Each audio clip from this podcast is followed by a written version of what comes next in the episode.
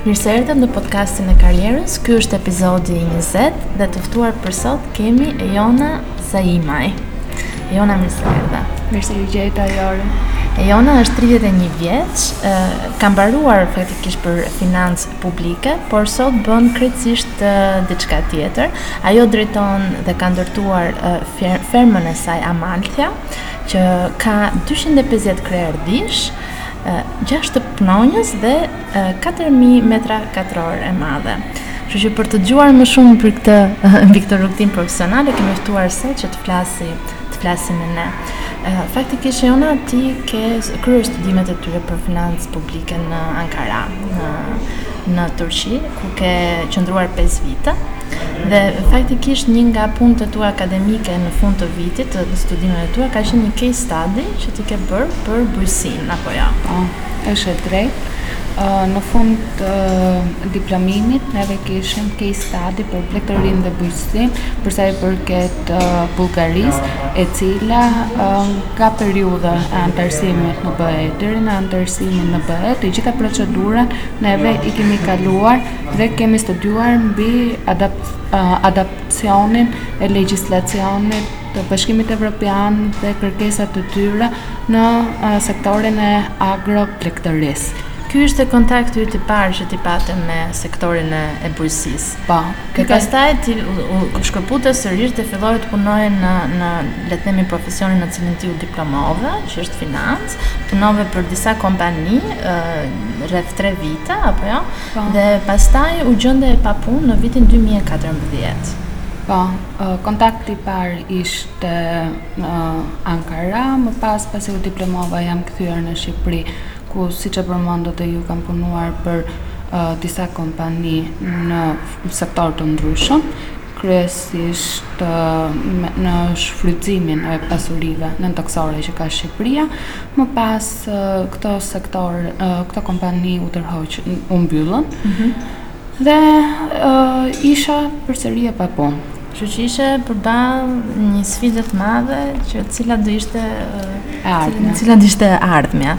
Dhe gjatë kësaj kohe që ti kishe kohë të të të mendoje se çfarë do të bëje, ti bie në kontakt me disa njoftime në gazetë nga Agjencia e Zhvillimit Bujqësor Rajonal, pa. Po. ku bëhej fjalë për disa projekte që kishin të bënin me me bujqësinë. Po, gjatë kësaj periudhe në 2014-ën sapo ishte implementuar fondi fondi i IPARD-it, IPARD-like për Shqipërinë, ë dhe aty u njofta me subvencionet që jepte BE-ja për Shqipërinë si vend tashmë i asociuar, por një nga politikat kryesore që kishte dhe shteti shqiptar ndër vite ishte mbështetja e subvencioneve në sektorin agroblegtoral. Kjo ka qenë një nga iniciativat, kjo ka qenë një nga shtysat e para me të cilën në fund të 2014-s jam njoftur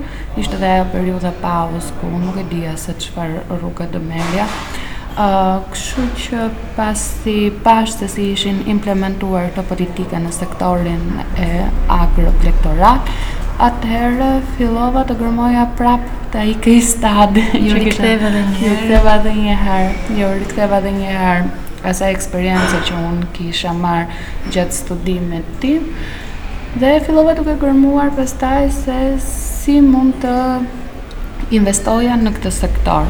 Dhe më thëmë, me sa di unë nga biseda që bëmë paraprakisht bashkë, ti bërë edhe një feasibility study me iniciativën tënde, po. për të parë, për t'u përgatitur sa më mirë përpara se të hartoje një projekt, ha? Po. apo, apo po, gjatë po. kohës që e hartoje? Jo, uh, Ë planin e fizibilitetit e bëra më përpara se unë të merrja iniciativën dhe të plotësoja pastaj gjithë dokumentat e tjera për të për një startup, një biznes të tillë. Pasi çfarë vure re te ky plan fizibiliteti që të ndihmoi më vonë?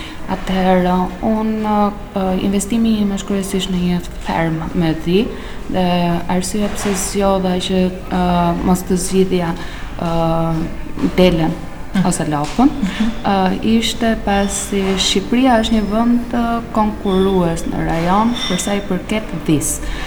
Neve kemi racat tona, mbi 3-4 raca autoktone të dhisë, dhe kjo ka qenë një nga arsyet kryesore pse zgjodha të investoja në fermat e dhisë. Në anën tjetër, bëra edhe një studim të tregut, ku tregu më orientoi akoma më mirë, pasi kërkesat për nënproduktet e qumështit të dhisë ishin më të ishin më të shpeshta se sa nën se sa nënproduktet e qumështit të lopës ose qumështit të deles, kështu që edhe preferenca e tregut më çoi që të investoja, domethënë të investoja në këtë fushë dhe pikërisht të merresha me dhi.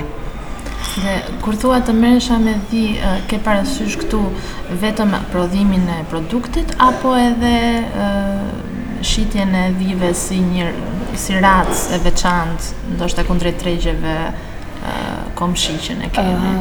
Si fillim nuk kisha kaq, nuk kisha këtë eksperiencë që kam sot. Normalisht si fillim ishte ideja, domethënë, përderisa ka një një kërkesë në treg, aut, neve duhet të përmbushnim këtë kërkesën që kishte tregu. Uh, më pas, duke parë duke parë se si u zhvillua biznesi dhe duke parë uh, duke parë hapësira të tjera, pasi unë isha fillestare, fillestare mm -hmm. në këtë në këtë investim, nuk kisha as know-how të duhur, step by step pastaj fillova duke investuar më tepër në know-how sesa në pjesë të tjera të biznesit. dhe gjatë kohës pastaj ambicia është e madhe për të marrë një certifikim për racat tona të pastra shqiptare për të marrë të drejtën e tregtimit të saj në Evropë ose të drejtën e distribucionit nga Shqipëria të një race të caktuar dhie por ato janë në projekt e sipër. Të gjitha këto janë mendime që po hidhen në letër dhe të plotësohen projektet përfundimtare. Ne sot jemi rreth një viti pasi ferma është hapur. Domethënë, e ndaluam, siç e përmende më përpara ti fillove të hartoje një projekt me të cilin fitove dhe ti sigurove fondet për ta ndërtuar fermën nga Agjencia e Zhvillimit Bujqësor Rajonal. Më trego pak për këtë pjesën e parë, kur ti Realisht tek vendi ku ne ishim sot dhe kemi parë fermën tënde që është impresionuese, do thoja, afër Durrësit, në fshatin Vrin. Dhe para një viti aty nuk ekzistonte asgjë. Ë si ishte ky viti i parë?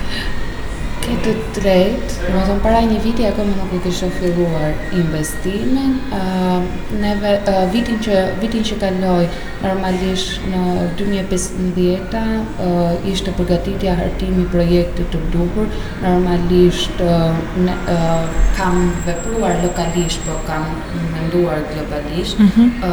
Legjislacionin shqiptar jam mbështetur atje ku duhet, po duke menduar që një ditë Shqipëria do bëhet anëtare e Bashkimit Evropian, jam fokusuar rreth mbi shtatëdhjetë përqind të projektit në legjislacionin e Bashkimit Evropian, pra sikur kjo fermë të ndërtoheshe në një nga vendet e BE-së, të gjitha parametrat, parametra, standarde, teknologjia që po përdoret janë të një vendi të zhvilluar, po, të një vendi të zhvilluar, aty kam marrë spuntën e parë, pastaj jam jam munduar domethënë të ruaj të jem sa më ekologjike mm -hmm. në ndërtimin e fermës, kështu që kam marrë asistent nga vendet fqinjë, kryesisht Itali edhe Greqi, se si duhet me teknikët, se si duhet, domethënë, të jetë sa më ekologjike,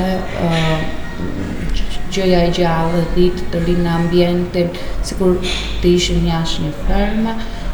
Kështu që vitin e parë, muajt e parë deri në mars të 2015-ës, në mos gaboj, ka kaluar vetëm me projektim, domethënë.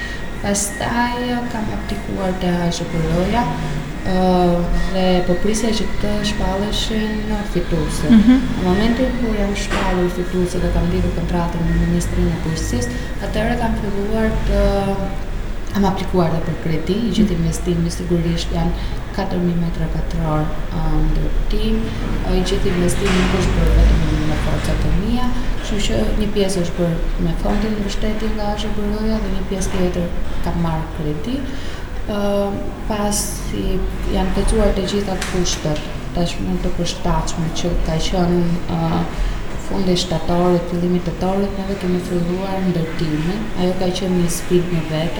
pasi kontratën që unë kisha me AZHBR-në e kisha që në fund të vitit duhet të mbylleshe investimi para 2015-ës, para vitit 2015, që që i gjithë ndërtimi është bërë një sforco për t'u mhm. bërë brenda tre muajve, megjithatë gjatë kohës kishim marrë masat që materialet që të vinin nga jashtë të ishin futur në prodhim mhm. dhe të silleshin.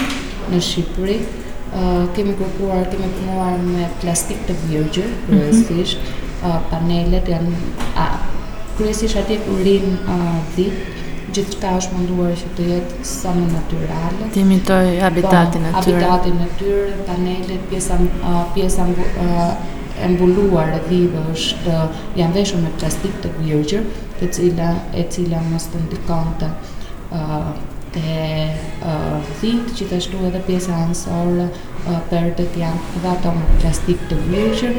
Kjo i ka rritur paksa kostot, po nuk jam pishman kur shoh produktivitetin pas tetë muajsh.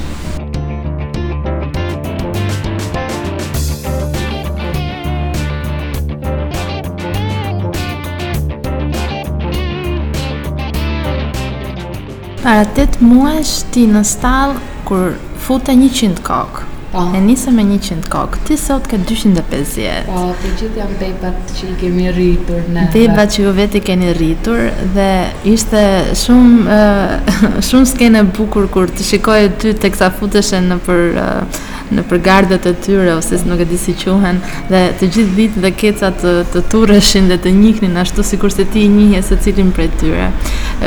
Po më tregoje kur ishim atje që vetë i keni rritur duke u kujdesur veçanërisht shumë për për kecat e vegjël që t'ushqeheshin në mënyrën e duhur. Kemi ndjekur një filozofi pune duke qenë se Çdo lloj sëmundje nuk është e pranishme. Ka sëmundje gjenetike, pasi vetë dhitë uh, unë kam dy lloj racash, dhi alpina dhe dhi spanjolle. Mm -hmm. Dhe ato vetë kanë një modifikim gjenetik. Ky modifikim gjenetik mund të shfaqë një problem në një të ardhme.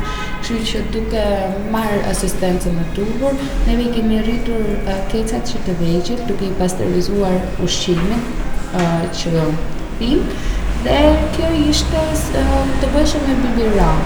Kecat sapo lindnin, mami vet i, uh, i ngrinte në këmbë dhe më pas për arsye që ata të rriteshin sa më të shëndetshëm. Nga ana tjetër edhe për uh, për të qenë ekonomike, normalisht se Në momentin që fillon periudha e laktacionit, atëherë janë edhe benefitet që ti merr edhe frytet e punës që ke bërë gjatë gjithë kësaj kohe. Kështu që kecat na njohin neve si mama. dhe kjo është ai afeksioni që kanë krijuar. Dhe shumica e, e E e dhive ishin shtatzënë, e po, priten të lindin në në po, nëntor, dhjetor. Jemi në periudhën e dytë ku ë i kemi shtatzënë tre muajsh, në nëntor dhe në dhjetor presim prapë bebat e tjerë. Ardhjen e dytë. Përsa këta që kemi quhen ftuja për kuriozitet dhitë e vogla femra quhen ftuja dhe ftuja presin që të mbarsen për herë të parë mm -hmm. gjatë kësaj periudhe për momentin cilat janë produktet konkrete që dalin nga firma dhe ku shkojnë këto produkte tashmë neve kemi uh, lidhur kontrata me një pjesë të mirë të restoranteve në Durrës dhe në Elbasan mm -hmm. aty neve prodhojmë uh, rreth 4 lloj djathë Tash me shije të ndryshme, me tartuf, me spec, me ulli, arrë, mm -hmm. ose uh, stika, sipas kërkesës, prodhojmë djathin kaçkavall, mm -hmm. uh, dhe uh, edhe djathi kaçkavall i ndarë sipas shijeve, Gjithashtu uh, prodhojmë edhe rikota dhe uh, kemi dalë edhe me qumësht të freskët në Durrës, sigurisht. Mm -hmm. Kështu që gama e produkteve është duke u zgjeruar ditë pas dite. Ka pat uh, hap pas hapi kapaciteti nuk jemi me full me kapacitet të plot pasi kapaciteti i fermës është për 1800 krerë mm -hmm. duke mos e njoftur si fushë vendosa që të investoja gradualisht gradualisht duke u rritur kapaciteti duke arritur dhe me anën profesionale dhe teknike mm -hmm. Për gjithë ata që janë kuriozë dhe nuk e njohin botën e fermës, si është një ditë e jotë tipike në fermë? Kur zgjohesh, çfarë ndodh gjatë ditës? Dita fillon, dita fillon herët, fillon rreth orës 6 e gjysëm tashmë në këtë periudhë të mëngjesit, ku neve bëjmë uh, vizitën e parë me veterinerin dhe menaxherin e fermës, duke parë që duke parë se si janë nga ana shëndetësore dhitë, këtu bëhet kontrolli i parë, pastaj fillon mjelja, pas mjeljes pastaj është kujdesi për të dhënë ushqimin, ato hanë ushqim çdo 3 orë, mm -hmm. fillon orën 8 të mëngjesit dhe pastaj duke llogaritur çdo 3 orë hanë dietën e vet ushqimore. Merremi me pastrimin sigurisht. Tani është periudha ku vathët pastrohen dhe bëhen përgatitjet për në periudhën e dimrit. Vathët është pjesa ku po, rrinë dhitë. Po, pjesa ku rrinë dhitë, bëhet përgatitje për periudhën e dimrit. Nga ana tjetër është edhe menaxhir, menaxhimi financiar, mhm. i cili ti vetë je një eksperte në atë fushë, kështu që e mbulon vetë. Fillon dita fillon në orën 6 e gjysëm të mëngjesit dhe mbaron në rreth orës 9 të darkës në këtë periudhë. Domethënë, dita jote është e fokusuar brenda në fermë. Po, një pjesë një pjesë e mirë e ditës është e fokusuar në fermë, aty ë aty bëhen edhe takimet, kryesisht një pjesë të takimeve, jo një pjesë, kryesisht shumicën e takimeve i bëj në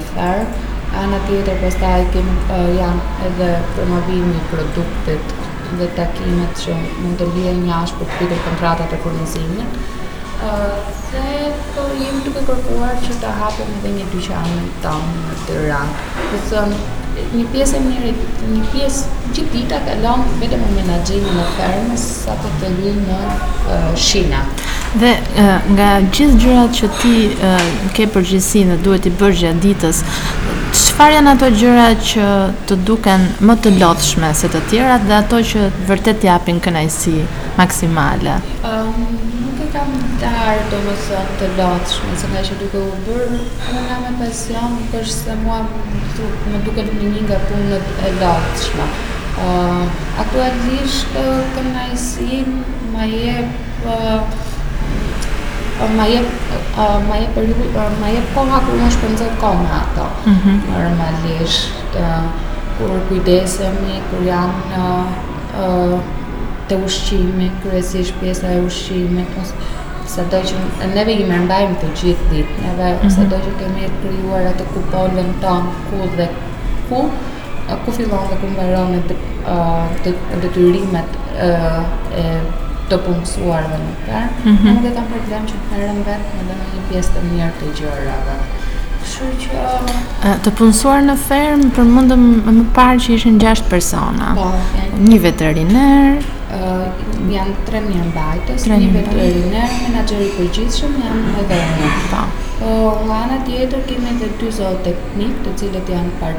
Tani, një zooteknik është nga Italia, ai është është po është italian. Ai merret kryesisht me veterinerin, pasi neve po ndjekim një filozofi që mos ta vaksinojmë, përveç vaksinave që janë të detyruara nga shteti, mos të vaksinojmë edhe pjesën tjetër të tufës për një problem gripi ose në një problem që ato mund të shfaqen në shëndetëso, kështu që jemi lidhur me një firmë italiane e cila uh, marrim vajrat bio uh, ose çajrat uh, biotek ku të cilat e parandalojnë çdo uh, problem shëndetësor që kafsha mund të ketë. Firma italiane dhe zootekniku i cili është i punësuar për këtë pjesë, uh, komunikon me veterinerin më pas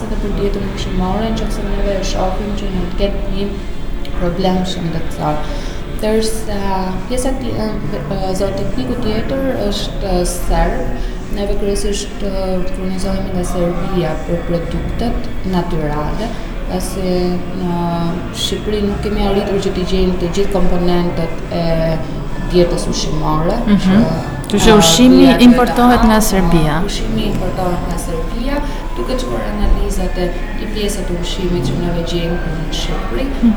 Zootekniku në bazë të proteinave, mineraleve dhe cilësisë së ushqimit që neve arrijmë të gjejmë këtu në Shqipëri, përcakton dhe dietën. Hmm. Domethënë, dieta nuk është se fillove këtë muaj jep këtë dietë dhe pastaj muajin tjetër duhet të Na përqendrohemi në të njëjtën në të njëjtën racion, se e gjitha është në varësi të ushqimit që ne po grumbullojmë këtu në Shqipëri, varet jonxhës dhe kashtës. Mm -hmm. Kështu që gjithsej jemi tetë veta, uh, megjithatë me përfundimin total të projektit, minimumi të punësuar neve do kemi 25 veta. Kur të arrini kapacitetin e plot?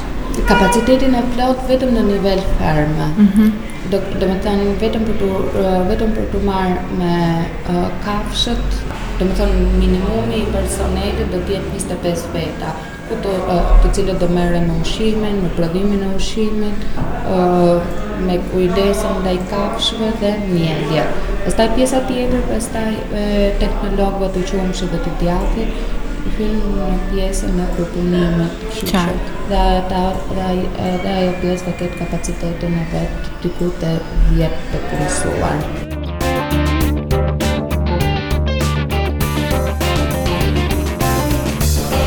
Përveç ndoshta arritjes së synimit të kapacitetit të plotë të fermës, cilat janë ato etapat të vizionit tënd për vitet në vijim për fermën, në rritjen e saj dhe në fitimprurjen që sjell? Kryesisht, kryesisht brenda tre viteve është parashikuar që të arrihet kapaciteti i plotë i fermës. ë dhe ë një prodhim rreth 150.000 litra ë, qumësh mujor. ë Për të flasim, domethënë për ë, fitimi është i kënaqshëm. ë, Ky është një biznes fitimprurës. Është një biznes. Është një biznes fitimprurës. Sigurisht, hapat e parë kanë vështirësi si çdo biznese të tjera, por arrin ta shlyejë normën e investimit duke parashikuar që te investimin në makineri pajisje, ku çdo gjë do jetë e kompjuterizuar. Kjo është edhe ajo sfida që unë kam vënë vetes, se përveç teknologjisë të përpunimit, mjeljes të përpunimit, e cila nuk të lejon që ti të prekësh asnjë qumësht me dorë. Mhm. Pjesa tjetër është me stan ngritja e një laboratori për të kontrolluar të gjitha problemet shëndetësore, gjithashtu për të kontrolluar edhe qumështin dhe prodhimin në fermë, pajisja me çip e këtyre kafshëve që është në fermë, shërben për ndihmon për të parë që që pa e mjelë se sa do jetë prodhimi, mm -hmm. se sa qumësht ka, gjithashtu më ndihmon për të uh, për të uh, shfaqur në qoftë se ka temperaturë, nuk ka temperaturë, domethënë më ndihmon edhe për të parë uh, ato problemet e para që mund të ketë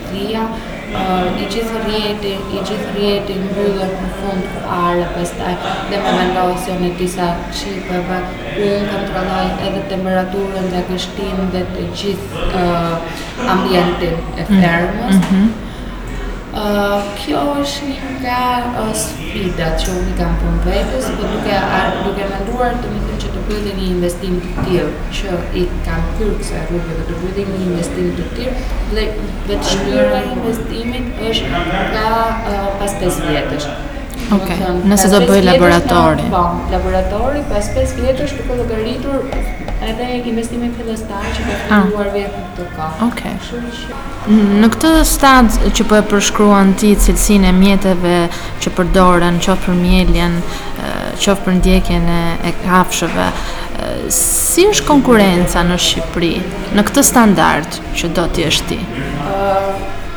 Ka ferma, ekzistojnë ferma të kompletuara, kryesisht edhe ferma viçash, të cilat kanë investuar edhe në makineri pajisje, por nuk nuk kanë kapacitetin që ka ferma ime, kështu që kjo më jep pak më shumë për ta konkretizuar planin e investimit në makineri pajisje dhe teknologji. Mm -hmm. pasi e shoh që për mendimin tim jam një hap para konkurrencës, për vetë edhe kapacitetin që kam. Ana tjetër, pastaj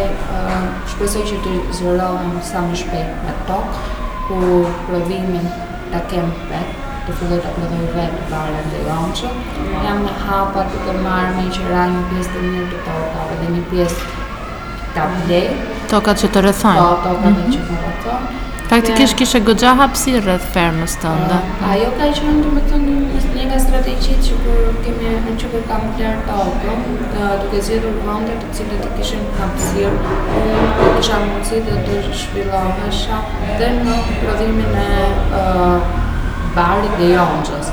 Pasi në uh, pasi të tjera, uh, akoma synojnë që t'i marrin nga jashtë, ka një, ka një kosto ka një rritje kosto, por është cilësia e ushqimit mua më ndihmon është ajo e cila domethënë më ndihmon edhe të jem konkurrent në treg me në produktet ose produktin që unë po nxjerr në treg. Mhm. Kur del në treg ky produkt është i branduar, pra ka emrin tuaj?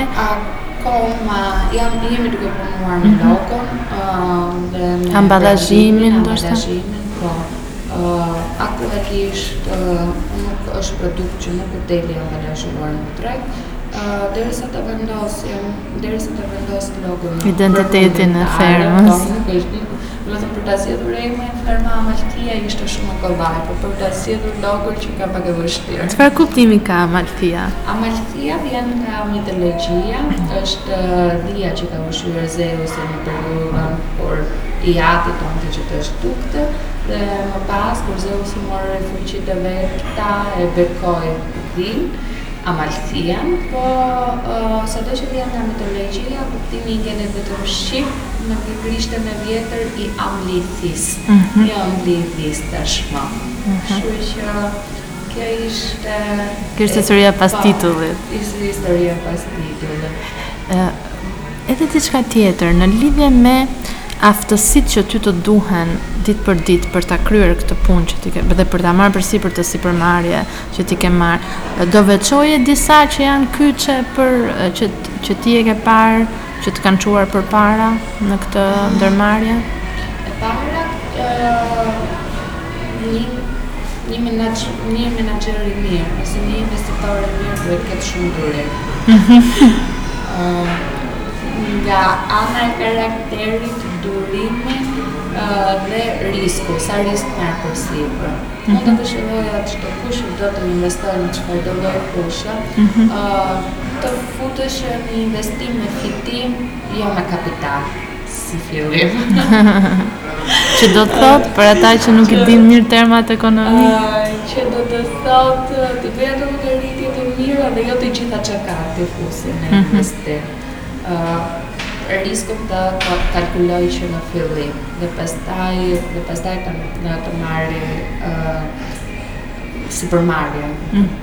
të jetë i gatshëm për të investuar diku. Ndërsa në aftësi profesionale është kalkulime të mhm. tjera, mm -hmm. te financa, mm -hmm. projekt programin që ti bën ose planin e investimit të t'i rikthehesh 2-3 herë. Mhm. Normalisht ai plan i investimeve të fillimit që bën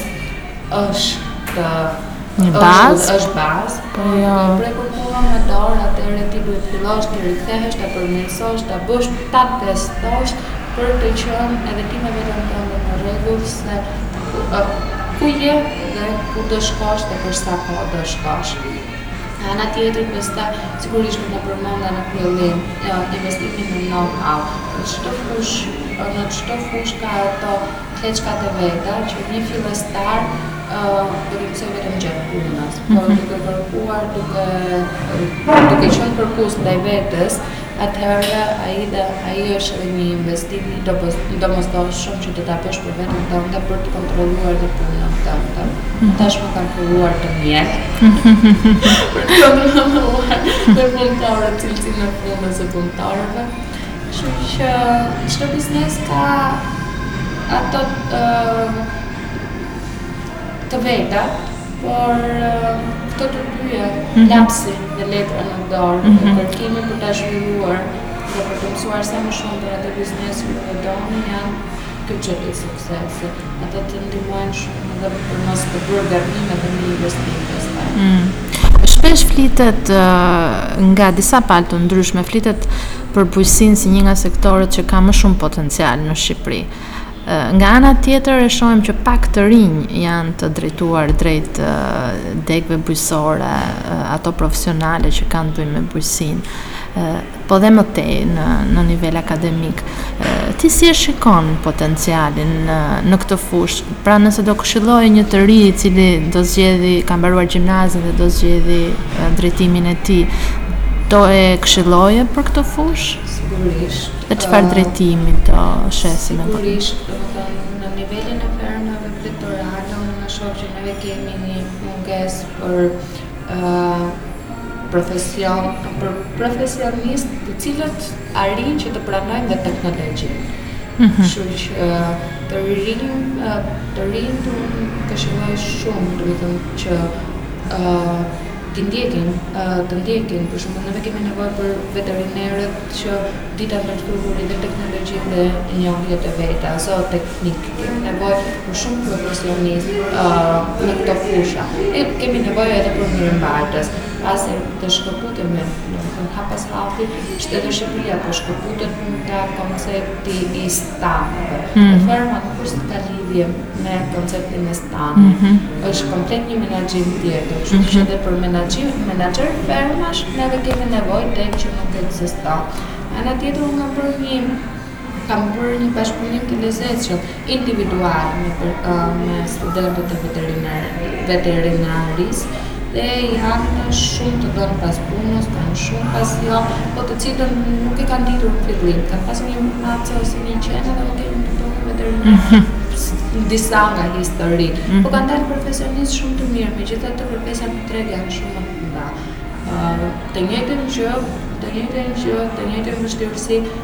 hasen edhe ata të cilët kanë fermat në sektorin agro.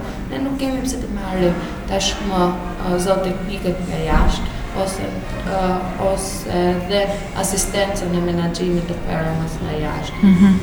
Kjo është kosto për Në çdo sektor është kosto që ti specialistët të marrësh nga jashtë. Unë do isha shumë e lumtur sikur studentët e veterinarisë të rrinin te ferma ime mm -hmm. dhe uh, më pas ata ishin të parët të cilët unë do punësoja.